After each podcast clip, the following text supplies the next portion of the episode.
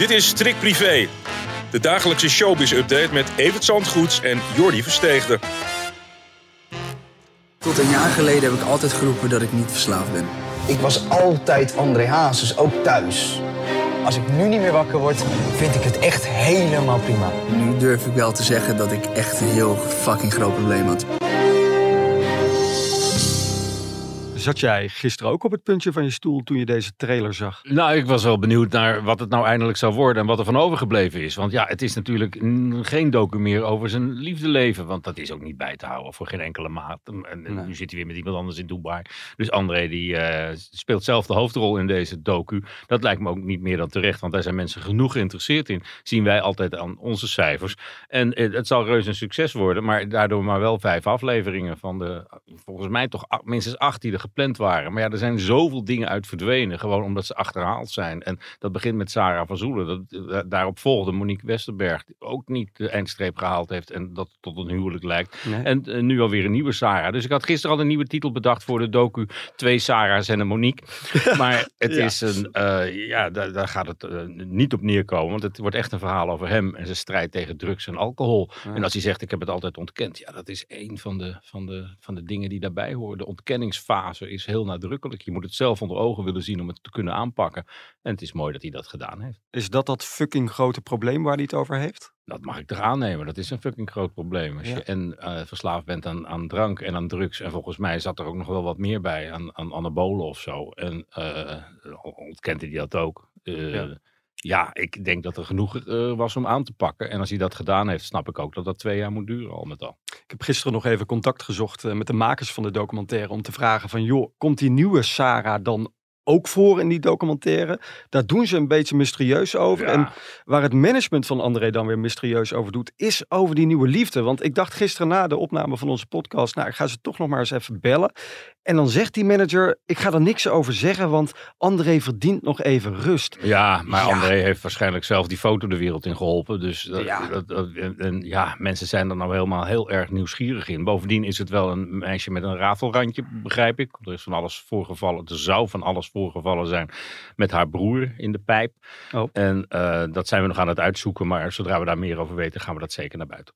Ja, gisteren hadden we het over Rachel, die natuurlijk altijd akkoord moet geven op André's nieuwe liefdes. Het lijkt erop dat Monique, zijn ex, dat ook wil, want die heeft gereageerd onder die trailer van die documentaire die we Nou, dat is niet zo gek. Want ja, zij gaat natuurlijk wel voor een deel voor haar zoontje zorgen. Dus dat zij zich er tegenaan bemoeit, dat begrijp ik wel. En eh, eh, ja, dat, dat het eh, meegenomen is als het een leuke vriendin, nieuwe vriendin is, dat, dat is ook mooi. Ja. Maar ja, in feite heeft ze er ook weinig over te zeggen natuurlijk. Met wie André eh, nu aanpapt.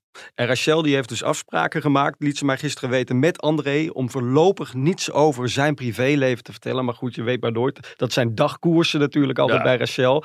En ze heeft gisteren nog gereageerd trouwens op dat, dat verhaal waar ze nou naar op zoek was. Ja, maar ze zegt niet welk verhaal, dus dan kan ik er ook niet helpen. Dus, Nee. eh, ja, als ze ook nog naar dat theewinkeltje wil vanmiddag, dan moet ze toch... eh, dan, dan, ja, daar is ze bijna geen tijd meer als ze al die oude privés zit door te pluizen. Als ze nou laat weten welk verhaal ze zoekt, kan ik het zo uit het archief trekken. Ben je dat trouwens wel eens tegen drinken in Amstelveen bij dat theezaakje of niet? Nee, ik ben meer voor de koffie, zoals je ziet. Ja, bij- ja lekker. Ik, ik neem een slokje. We gaan het trouwens, hè, Rachel is onderzoek aan het doen voor haar boek trouwens. Daarvoor is is, het nog niet af, hè? Nee, eh, ze is een hoofdstuk over de media aan het Ah, schrijven. daar kijk ik het meest naar Ja. uit. Maar we gaan het hebben over echt diepgravend onderzoek. Want dat, dat doet Kees van der Spek al jaren. En vanavond komt hij met een hele bijzondere uitzending. Ja, diepgravend onderzoek, dat deed Dirk Bolt ook altijd, Ja. dachten wij. Prachtig programma, spoorloos, loopt niet voor niks al 30 jaar op de Nederlandse televisie. En ontroerende televisie levert het op als, als mensen eh, verenigd worden met eh, verloren gegaane familieleden. Maar nu blijkt er een eh, gebruik te zijn gemaakt van een fixer. Iemand die ter plaatse in Colombia allerlei dingen voor je weet te regelen. Een man die corrupt is. Nou is dat eigenlijk altijd met fixers het geval. Want daardoor krijgen ze dingen voor elkaar die andere mensen niet voor elkaar krijgen. Maar die heeft gewoon eh, eh, verkeerde familieleden aan elkaar zitten eh, koppelen. Nu NCV, KRO en NCV weten dat ze daarvan op de hoogte waren. En een beetje verbolgen ook dat ze die uitzending niet van tevoren mogen zien voordat die vanavond wordt uitgezonden op RTO 5. Dan denk ik, ja, als je het al weet dat je er zelf mee naar buiten moet komen en niet afwachten tot Kees van der Spek daar eh, Ja. met, met onthullingen gaat komen. Maar het is zo'n zonde van het programma Spoorloos. Zo'n tv-monument waar eh, Dirk Bolt zijn hele privéleven altijd aan geopperd heeft. Want ja, hij bracht zelf mensen bij elkaar, maar het kostte hem zijn eigen huwelijk al dat gereis. Ja. En eh, dat, dat is toch wel heel erg pijnlijk. En ik kan me voorstellen dat je eh, gebruik moet maken in dat soort landen van, van dingen die niet helemaal eh, eh, volgens, volgens de lijntjes lopen. Mhm. Maar ja, je moet er wel van overtuigd zijn dat, dat, dat die mensen dan leveren wat ze moeten leveren. Je kan niet halfbroers aan elkaar koppelen die geen halfbroers zijn. En, tevreden naar Nederland terugkeren en zeggen: kijk eens wat wij hebben gevonden. Ja. Dus dat is wel heel erg pijnlijk en meer dan dat. ja, want hoeveel schade gaat dit het programma Spoorloos uiteindelijk opleveren, denk ik je? denk dat dit het einde van Spoorloos gaat betekenen. Dat Zo? denk ik wel. Dit wordt zo'n smet op dat programma dat je eh, ook voor jezelf even moet zeggen van maak er even pas op de plaats. En Ja. We gaan kijken wat er toen misgegaan is. Waarom zijn we zo laat pas begonnen met DNA-checks te gaan Sinds doen? 2019 Ja, pas. terwijl die techniek natuurlijk al veel langer bestaat. Ja, Ook niet tot mensenheugenis, maar zeker al 15 jaar had dat makkelijk gekund. Ja. En eh, ja, dit is, dit, dit is niet prettig voor een programma als Spoorloos, wat het toch grotendeels ook van zijn betrouwbaarheid moet hebben. Ja, tot slot hier dan nog over. Wat vind je er dan van dat een collega-programma, eigenlijk een collega Kees van de Spek, dit dan in zijn programma weer blootlegt? Is dat... Als jij misstanden aan de kaak stelt, en dat is er hier een van, dan, dan heb je goud gelijk. En, en dan nogmaals, dan had Caro en CV, toen ze ontdekte of toen ze ervan hoorden, hadden ze het zelf naar buiten moeten brengen. Ja. En ook meteen eigenlijk met we maken even pas op de plaats met het programma Spoorloos.